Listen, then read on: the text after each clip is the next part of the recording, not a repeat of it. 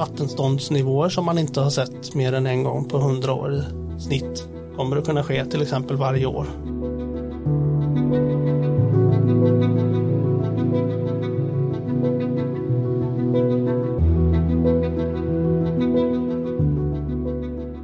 Att vi ska lyssna på klimatforskarna, det får vi ofta höra i samhällsdebatten. Men vad är det egentligen som de säger? Det ska vi försöka ta reda på i SMHI-poddens avsnittsserie Klimatforskarna. För att på SMHI så finns en av Sveriges största forskningsgrupper inom klimatvetenskap. Och några av de forskarna ska gästa oss i den här podden och berätta om hur världen förändras och vad vi kan göra åt det.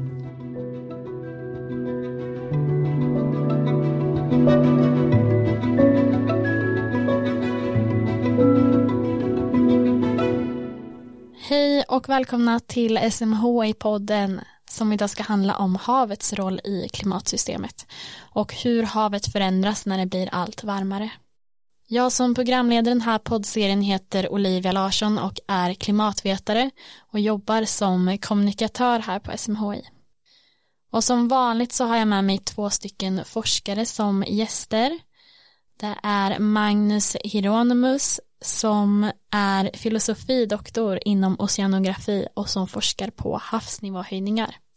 Och Ralf Döscher som också är filosofidoktor inom oceanografi och som nu jobbar som chef för Rossby Center som är SMHIs klimatforskningsavdelning. Välkomna hit. Tack så mycket. Tack. Och ni är alltså oceanografer. Och det kanske inte är så många som vet vad det är. Men jag tänkte om du ville berätta vad det är ni vet, Magnus. Eh, ja, det kan jag göra. Oceanografi idag har väl egentligen blivit ett ganska brett begrepp när, eh, när vi studerar, eller kanske ännu tidigare, Ralf och jag är båda fysiska oceanografer i grunden kan man säga och det är då egentligen en fysiker som sysslar med havet kan man säga. Vi håller på med vågor och strömmar och termodynamik och sånt där. Eh, oceanografibegreppet idag innehåller väl egentligen också marinbiologi och marin kemi och sånt där så att det har blivit lite bredare då men eh, kan säga att vi är fysiska oceanografer och det blir väl mest det vi kommer att prata om idag. Mm. Och havet är ju en av de liksom största delarna av vårt klimatsystem och som också då påverkas mycket av den globala uppvärmningen för att havet värms ju upp det också även om det inte värms upp på samma sätt som atmosfären. Vill du berätta om den här skillnaden i hur havet och atmosfären värms upp? Ralf? Ja, gärna. Alltså det är så att um, havet har större förmåga att hålla värme. Vi pratar om värmekapacitet. Havet kan absorbera och lagra värme. Det kan absorbera mer värme än vad atmosfären kan. I längden och kan lagra mycket mer värme. Det är så att 90 procent av den totala värmeökningen som kommer från klimatförändring att den lagras, den absorberas i oceanen. Sen äh, är det så att havets ytan blir äh, först och främst varmare innan den extra värmen som kommer från klimatförändringen sprids till djupare delar av havet. Och äh, värmespridningen sker genom, äh, dels genom blandning och dels genom havsströmmar. Först ähm, när hela världshavet är välblandat då har man en ny jämvikt med en varmare atmosfär. Det kan ta upp till tusen år tills mm allt nytillkommen värme blandas in jämt i havet. Ja, och man brukar ju säga att liksom ytor över havet värms långsammare än ytor över land. Vad beror det på? Ja, det finns flera um, aspekter där. En att um, ja, ytan värms upp först, sen blir det en blandning neråt. En anledning till är att um, vi har avdunstning från havet, men också från land. Men mm. över land är avdunstningen begränsat. Så avdunstningen medför att um, en kylning av den ytan som där det avdunstar. Alltså om vi har avdunstning från land då blir uh, landet kallare och värmen följer med till atmosfären. Över land är det begränsat eftersom uh, efter lite avdunstning då kan landet bli torr. Mm. Medan havet där finns en oändlig, nästan oändlig uh, reservoar av, av vatten och den slutar inte avdunsta. Mm, så du menar själva så det, av... Det, det, ja. det innebär en dämpning av uppvärmning. Så själva avdunstningsprocessen gör, bidrar till en kylning? Ja, en, mm. så en dämpning av uppvärmningen. Du sa förut att eh, havet har tagit upp 90 procent av den uppvärmningen som vi har nu. Men havet funkar väl också som en buffert mot människans påverkan på klimatet just för att det tar upp koldioxid också. Ja, det är mycket viktigt. Havet tar inte bara upp värme från atmosfären utan den tar, den tar också upp en stor del av den koldioxid som, um, som hamnar i atmosfären genom mänsklig aktivitet, alltså som, mm. som emitteras till atmosfären. Det är ungefär så att en tredjedel av all CO2 som vi emitterar till atmosfären eh, hamnar i land, alltså i själva marken och i vegetation. Och eh, en tredjedel hamnar i havet och bara en tredjedel ungefär stannar kvar i atmosfären. Så havet bidrar till att minska effekten av, av äh, emissioner. Mm. Så havet är väldigt viktigt för oss. Precis.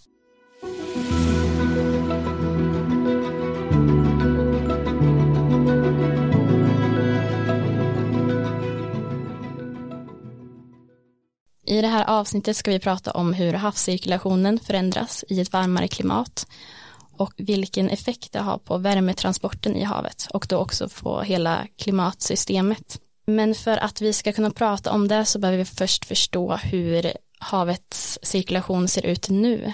Och eh, vill du berätta, Ralf, varför havet hela tiden är en ständig rörelse och inte bara ligger still? Ja, havet utsätts ju från äh, drivkrafter, de kommer från atmosfären. Alltså ytterst är det solen som, som driver både atmosfär och oceanen. Solen ser till att det blir äh, vindar i atmosfären, att det blir temperaturskillnad i atmosfären. Så havsströmmar på ytan domineras vanligtvis av vinddrivning. Man tittar på Nordatlanten, då har man ett av, äh, där man, man har en golfström längs den amerikanska östkusten. Sen har man en Nordatlantik ström som äh, kommer över till Europa och man har en, en strömning söderut som kompenserar för Golfströmmen. Så man har dessa storskaliga cirkulationsmönster och de domineras av vinddrivning. Samtidigt har man djupa havsströmmar som äh, mest är drivna av ähm, horisontella densitetsskillnader. Men dessa båda två system interagerar så det finns inte någon ström som är rent till 100 procent vinddriven och inte någon som är till 100% termohalin, alltså driven mm. av, av densiteter, äh, densitetsskillnader. Så de samspelar, det finns ett, äh, de interagerar. Och den här äh, djupa havscirkulationen som du pratar om, den densitetsstyrda, vad är det som påverkar densiteten av havet? Ja, man tittar på Golfströmmen igen, alltså det är alltså en, eh, en intensiv um, uh, tight havsström längs den amerikanska östkusten norrut.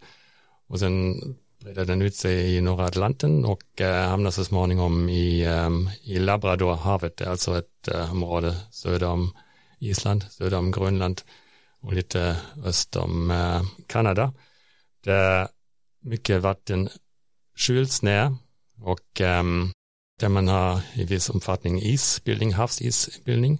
Så och det sker på ett sätt att äh, salten stannar kvar i havet så att äh, vattnet blir, densit, vattens densitet ökar. Mm. Och det blir så hög densitet att den sjunker ner. Den sjunker ner i olika celler, upp och ner.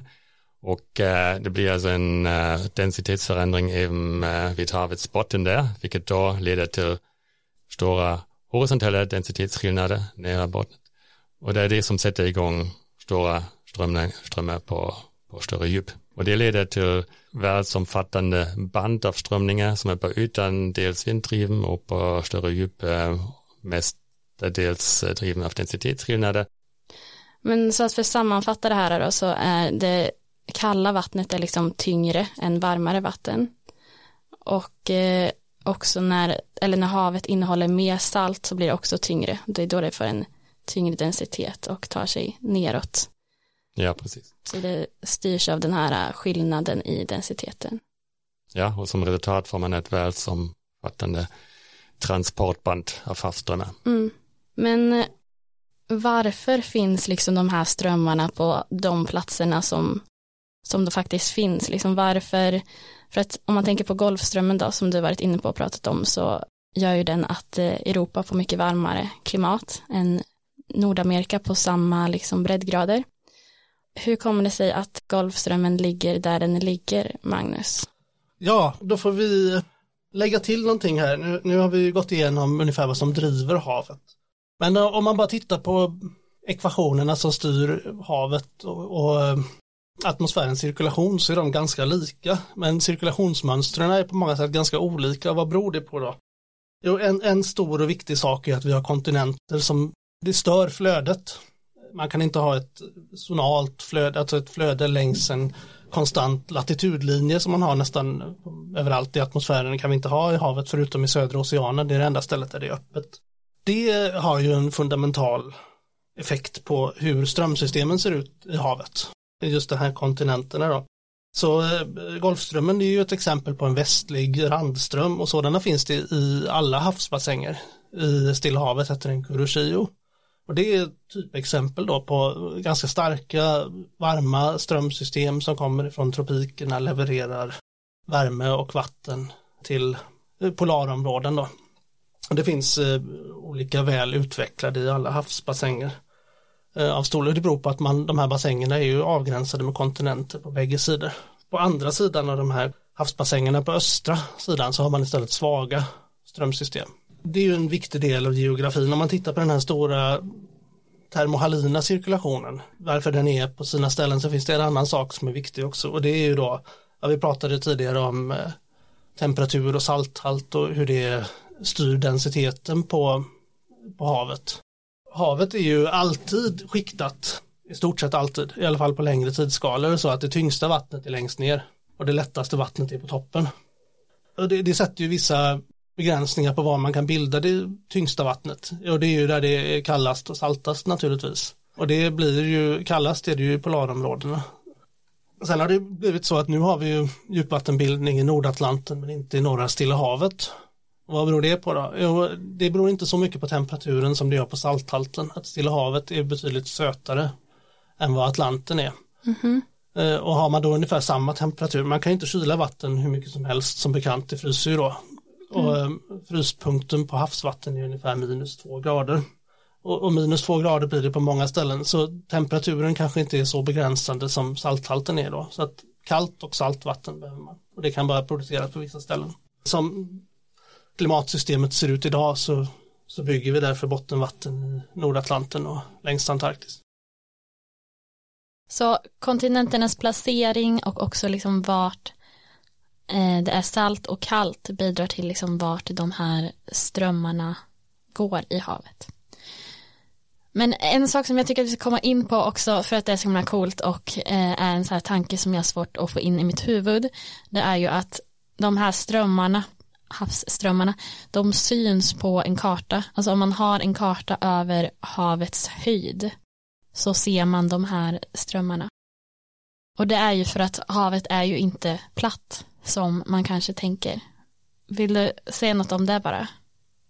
Jo, det stämmer. När vi plottar upp havet, sett uppifrån, alltså höjden över havet, så, så plottar man alltid haven, eller havet relativt geoiden som då är en fiktiv yta som om man stängde av all drivning av havet, man stängde av solen, och man mm. stängde av vinden och man stängde av eh, eh tidvattenkrafterna så skulle havet inrätta sig och ligga precis efter den här geoidnivån då.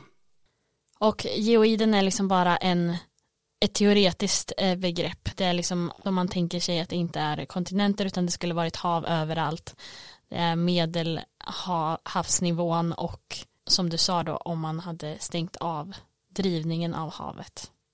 Nu, eh, kan man inte göra det, det vore inte heller önskvärt utan vi har ju ett hav då som, som inte ställer in sig efter geoiden. Utan det, du har, havet står högre på vissa platser, typiskt i tropikerna, och det står lägre på andra platser, ja, typiskt polarområden där det är kallt. Och det har också att göra med expansion som vi, som vi säkert kommer till sen. Mm.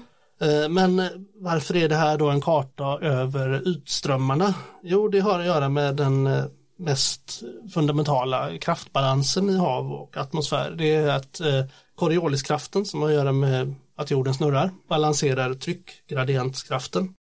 Tryckgradienten det är då att trycket är olika högt på olika platser och det är ju då en effekt av att havsytan lutar relativt geoiden så där du har mycket vatten så har du högt tryck Eh, där vattnet står högt och där det är lågt så det är lågt tryck. Skillnaden mellan det här är ju en gradient och den balanseras i regel av Corioliskraften. Då. Och det, det är därför vi kan se det som en bild av utströmmar. Ja.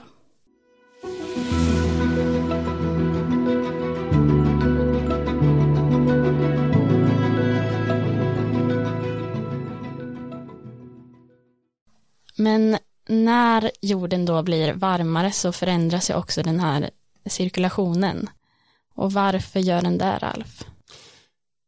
Jo, atmosfären blir varmare och eh, det innebär att vissa cirkulationsmönster i atmosfären förändras och att eh, andra atmosfäriska förhållanden förändras och det leder till en respons av havet. Till exempel kan eh, istäcket förändras i havet, det blir mindre is i Arktis och ehm, havet reagerar genom att bli generellt varmare på, ytan mm. och som indirekt effekt befinner sig havsströmmar under en förändring. Ett uh, klassiskt exempel är igen här Golfströmmen, att den, uh, den alltså klimatmodellen visar att den kommer att bli mindre och vi ser redan i observationer att den blir mindre fast vi är lite, osäkra om det är en verklig signal redan eller om det är naturlig variabilitet som ligger mm. bakom men förväntningen är att den blir mindre och det beror på att djupvattenbildning som pågår alltså i Labradorhavet att den blir mindre intensiv.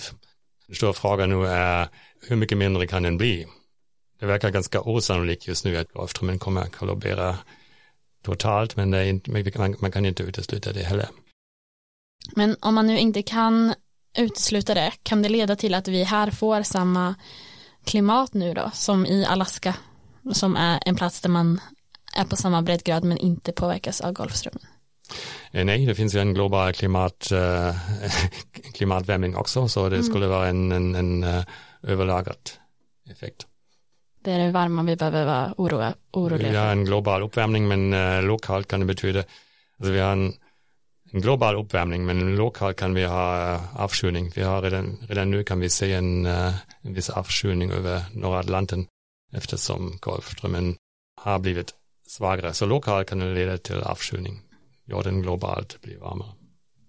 Så Golfströmmen kan försvagas på grund av den globala uppvärmningen. Men finns det andra sådana här havsströmmar som ni kan ge exempel på vad som kan ske med dem? Ralf? Antarktiska cirkumpolarströmmen, den ökar i hastighet. Och, vänta, vad är den först? Okej, okay, Antarktika, um, längst ner till söder, en stor, en stor kontinent mm. som är en, en stor ö.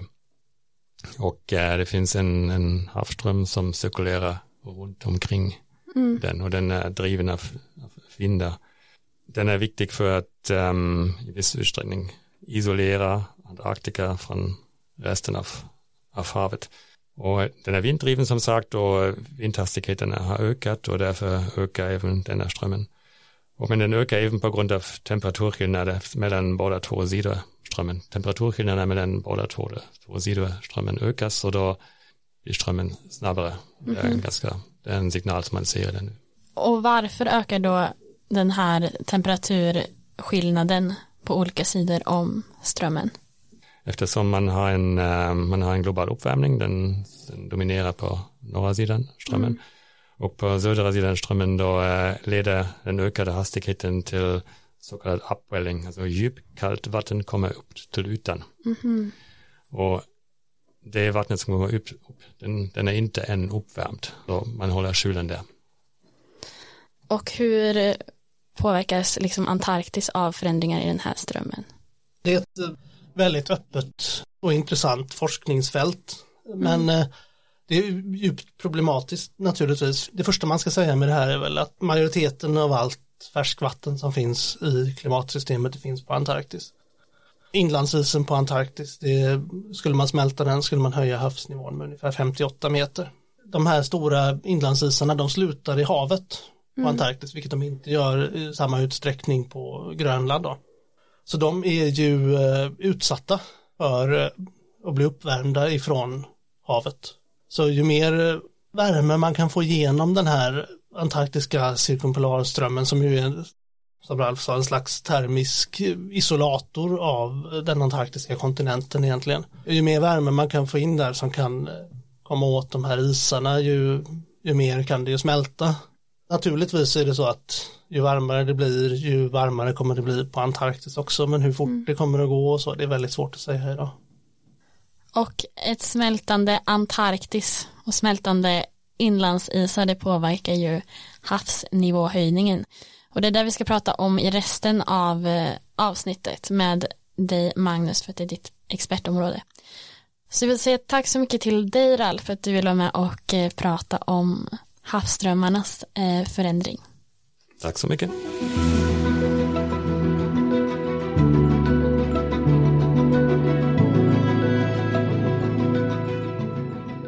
Nu ska vi prata om havsnivåhöjningen som sagt. Det blir varmare och havet det stiger då. Och man räknar med att 600 miljoner människor på jorden bor i kustområden som är upp till 10 meter över havsytan bara. Och det är även så att 21 av världens 33 megastäder, alltså städer med minst 8 miljoner invånare, eh, räknas som kuststäder. Så att människan vill bo vid havet. Men nu stiger havsnivån.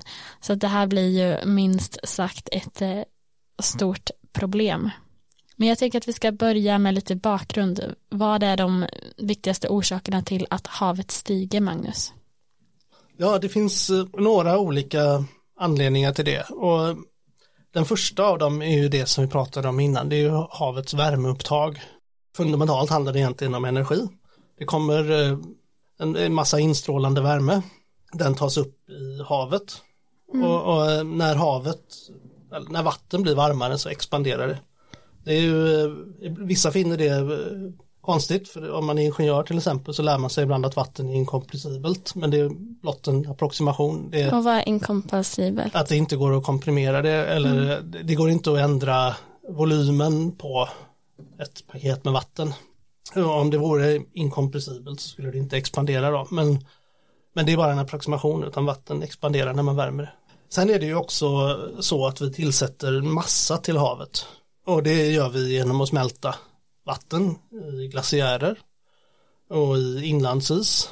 Och till en, en, mindre del så kan vi också ändra vatten i de olika reservoarer på land när vi bygger dammar eller när vi tar ut grundvatten och sådär mm. så ändrar vi vattenlagring på land.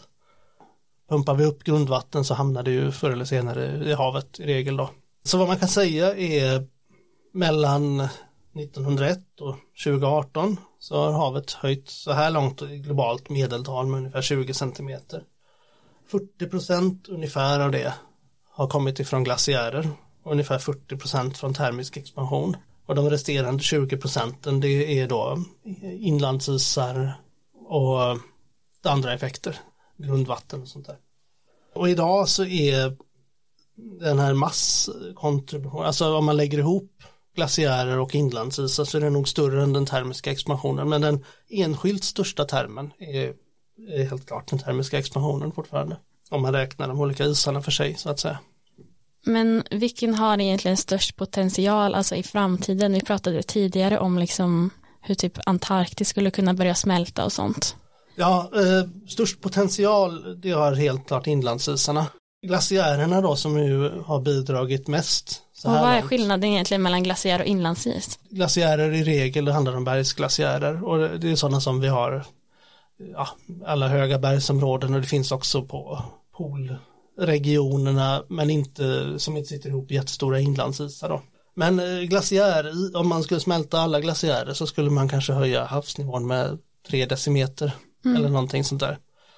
Utan de har ju gett väldigt mycket havsnivåhöjning tidigt för att de har varit illa utsatta. Det har krävts ganska lite uppvärmning för att smälta mycket då. Och isen på Grönland och Antarktis eh, ligger ju, den är mer svåråtkomlig för avsmältning då. Men nu har ju de också ökat kraftigt de senaste åren, de, de både Grönland och Antarktis.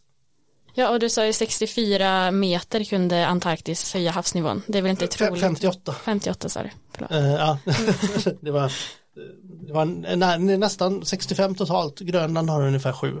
Så det är, eh, där finns det massa potential även om det ligger långt bort i det här, i detta nu.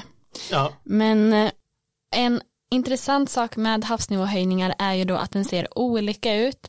Den ser olika ut beroende på hur mycket växthusgaser som människan släpper ut. Släpper vi ut mer växthusgaser så får vi en högre havsnivåhöjning. Men havsnivåhöjningen ser också olika ut beroende på vart på jorden som vi befinner oss. Och nu tänkte jag ge ett exempel och jag ska kolla på en karta och försöka beskriva den. För den här kartan beskriver hur havet ska höjas till 2100 jämfört med genomsnittet från 1986 till 2005. Och på den här eh, kartan där vi har höga växthusgasutsläpp då så ser det ut som att havet överallt eh, ska höjas. Men det höjs olika mycket på olika ställen. Och det finns faktiskt ett pyttelitet ställe också på jorden där det inte ser ut som att havet ska höjas och det är ett litet område vid Arktis. Men annars så höjs eh, havet och sen där det ser ut som att höjas som mest så typ en meter där är vi i ett område mellan Australien och Afrika. Så finns det några fler sådana här punkter med väldigt hög havsnivåhöjning. Och hur kan det vara så? Hur kan havet höjas olika mycket beroende på vart man befinner sig? Ja, eh, om vi börjar då med, med de här negativa tillskotten så har vi dem typiskt runt Grönland och runt Antarktis. Och vad beror det på då? Jo, det är ju så att de här eh, isarna som smälter har en enormt stor massa. De är jättetunga. Och eh, massa attraherar ju massa med gravitationskraften. Och när vi då minskar massan så minskar vi också de här isarnas gravitationskraft. Så eh, de här, runt de här stora isarna så drar ju isklumpen till sig havet kan man säga. Och det blir, gör den ju, det blir mindre effektivt. Ju mindre massa den har, kraften blir mindre. Så att det är ju en del till att havet helt enkelt flyter bort lite ifrån dem. Så att nu så är havet högre därför att de här stora isblocken drar till sig vattnet av sin stora massa. Yes, det kan man säga. Det finns också en annan del i det som vi, lever i fortfarande och det är ju att i våran del av världen så har vi ju där har det ju funnits en inlandsis flera kilometer tjock och vi ser ju fortfarande det genom att vi har landhöjning och det är så att när man tar bort den här isen så ja, så börjar ju land höjas så att samma kommer ju ske på, Grönland och Antarktis när de smälter. De kommer ju också få en massa landhöjning. Land mm. kommer höjas där. Det är också en anledning till att havet då relativt sjunker. Sen finns det naturligtvis eh, flera andra saker. Så vi, vi har då den här eh, avsmältningen. Vi har också gammal landhöjning som vi har. Vi har ju fortfarande landhöjning från, eh, från istiden som är kvar som ju gör att, att vårat hav inte alls höjs i samma hastighet, åtminstone inte i norr som, eller till och med sjunker som det globala medlet då. Och sen har vi ju den här sterodynamiska stereodynamiska effekten som har med havets värmeupptag är det steriska värmedensitetsförändringar egentligen är vad som går in där men det är mest värme det finns också regionalt förändringar i salthalt om mm. havet blir sötare där du bor så blir densiteten lägre och då står havet högre så det, det, finns, men det finns också dynamiska förändringar här. Så då kommer vi tillbaks till det här vi pratade om eh, geoiden och att man kan se strömsystem. Om de här strömsystemen flyttar på sig så flyttar sig ju också de här höjdkonturerna vi ser relativt till geoiden. Det är också en skillnad då. Ja, så det finns olika anledningar till att, att havet höjs olika på olika platser. Yes, så är det.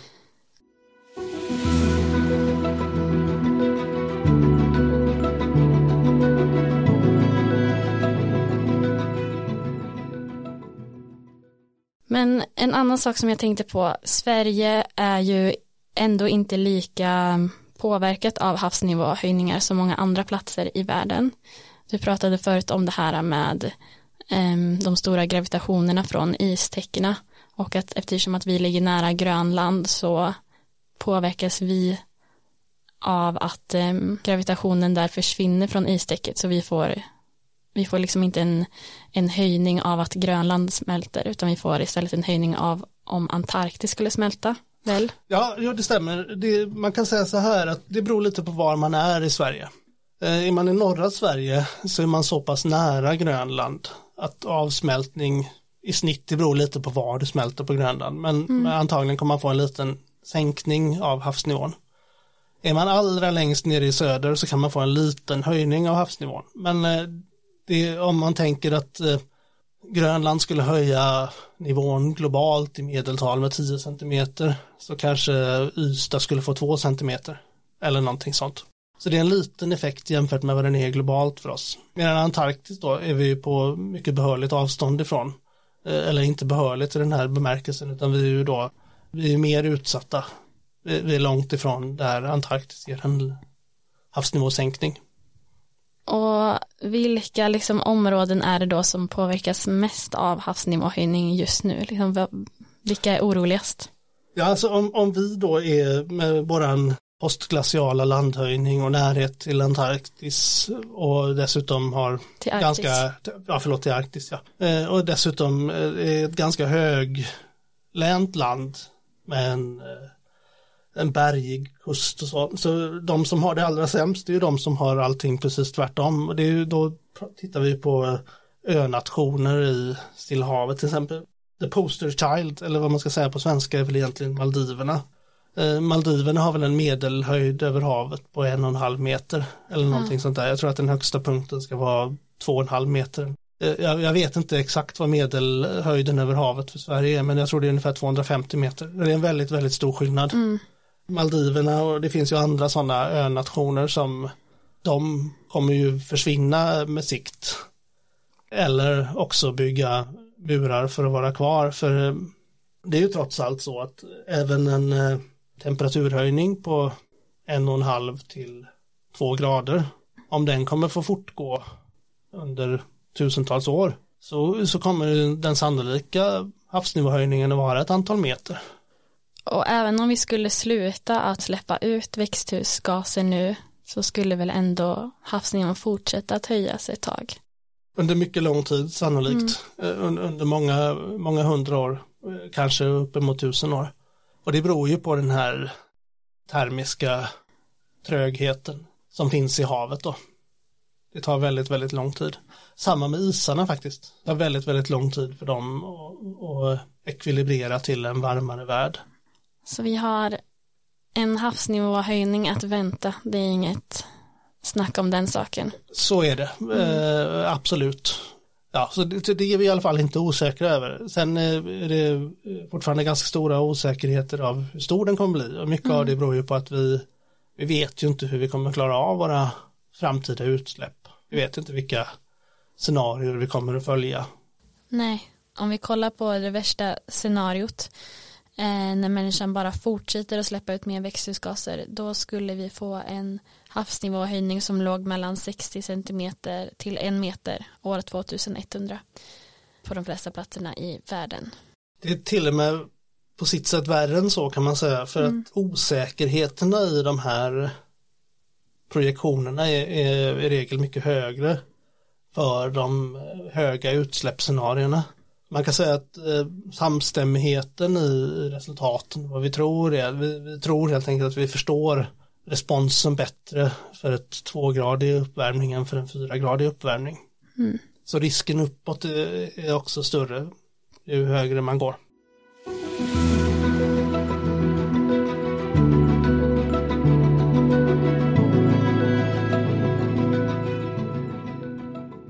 Alltså när vi pratar om faran för människan med havsnivåhöjning så handlar det inte bara om att havet liksom långsamt höjs utan det är också den kombinationen med stormar som blir en fara. Vill du berätta om den balansen? Ja, det är ju så vi kommer märka det här först. Att översvämningar blir, eh, kommer bli vanligare och det beror ju då på att en storm som idag till exempel når en meter över medelvattenståndet. Om man hade höjt medelvattenståndet med två decimeter så hade den ju istället nått 1,20 över dagens medelvattenstånd. Och den skillnaden kan vara väldigt stor på sina ställen. Om man tänker här där vi bor i Norrköping så är ett vattenstånd en meter över medelvattenståndet. Det kanske sker en gång på hundra år. Medan ett medelvattenstånd som är 1,20 över medelvattenståndet det är mer troligt att se kanske en gång på tusen år. Så det är en väldigt, väldigt stor skillnad i frekvens för en medelvattenståndsförändring som vi ändå, ja det är ju den som har skett globalt redan och den är mycket lägre än, än vad som är projicerat för egentligen alla emissionsscenarier för detta århundradet.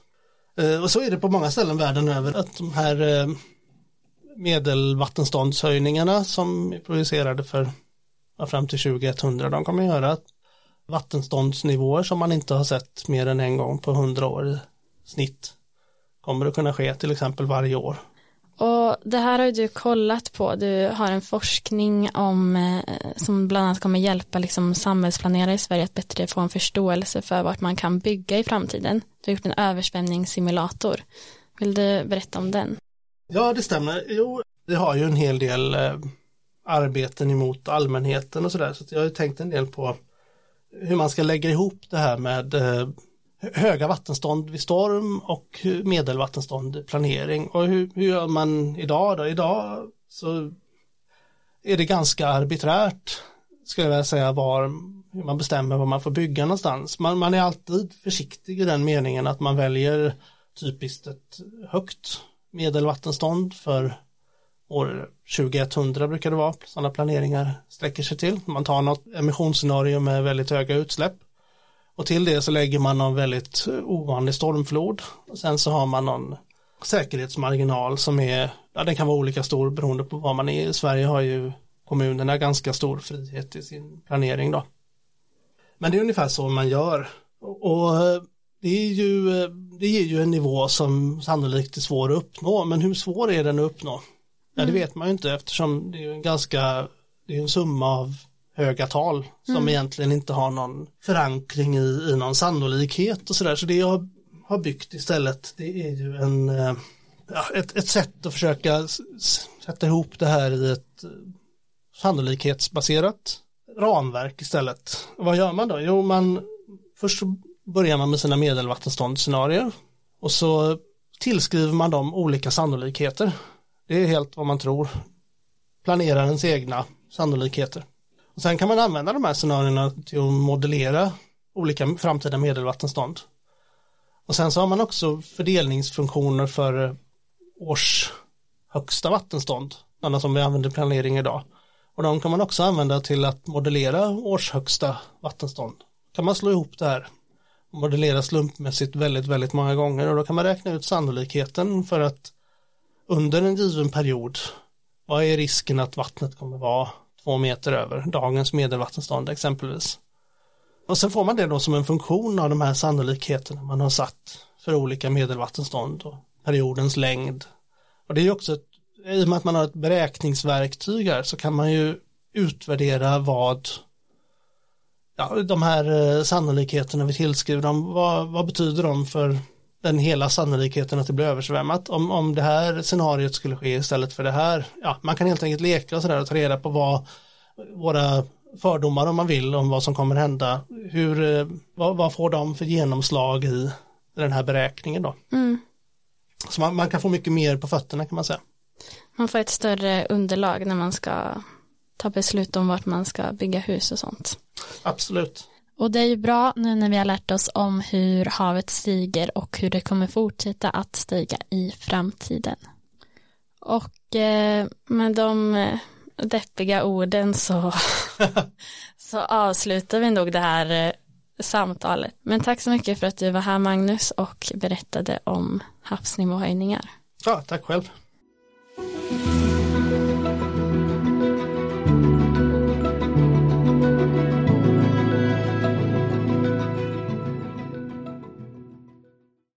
Du har lyssnat på klimatforskarna och oceanograferna Magnus Hieronymus och Ralf Döscher och mig som har programlett eh, Olivia Larsson. Och jag tänkte att jag skulle sammanfatta det här avsnittet för det brukar jag ju göra. Och det första det är ju att havet är otroligt viktigt i vårt klimatsystem och det har fungerat som en buffert mot den människoskapta uppvärmningen genom dels att havet har tagit upp eh, koldioxid som människan har släppt ut och också för att det har absorberat stora mängder av den värmen som den här uppvärmningen har lett till. Men havet har också förändrats av ett varmare klimat. Havsströmmarna har förändrats eller man kan se trender, trender på till exempel att, att eh, Golfströmmen försvagas. Och samtidigt så höjs havet och det höjs ju dels för att glaciärer smälter och också för att det blir en expansion av havet, alltså havet expanderar när det blir varmare. Och det här blir ett stort problem när det är så många av jordens befolkning som bor nära havet. Och också för att vi har önationer som helt riskerar att försvinna med den här havsnivåhöjningen. Hur mycket som havet höjs det beror ju på hur mycket koldioxid som vi fortsätter att släppa ut. Men det som man vet är att havet kommer att fortsätta höjas under en lång tid till, även om vi skulle sluta att släppa ut koldioxid nu. Och det är för att vi redan har släppt ut så mycket koldioxid. Nästa vecka ska vi prata om Arktis. Så då eh, blir det också kanske lite mer Golfström även då. Så hoppas att ni lyssnar då med. Hej då! Du har lyssnat på en podd från SMHI, Sveriges meteorologiska och hydrologiska institut.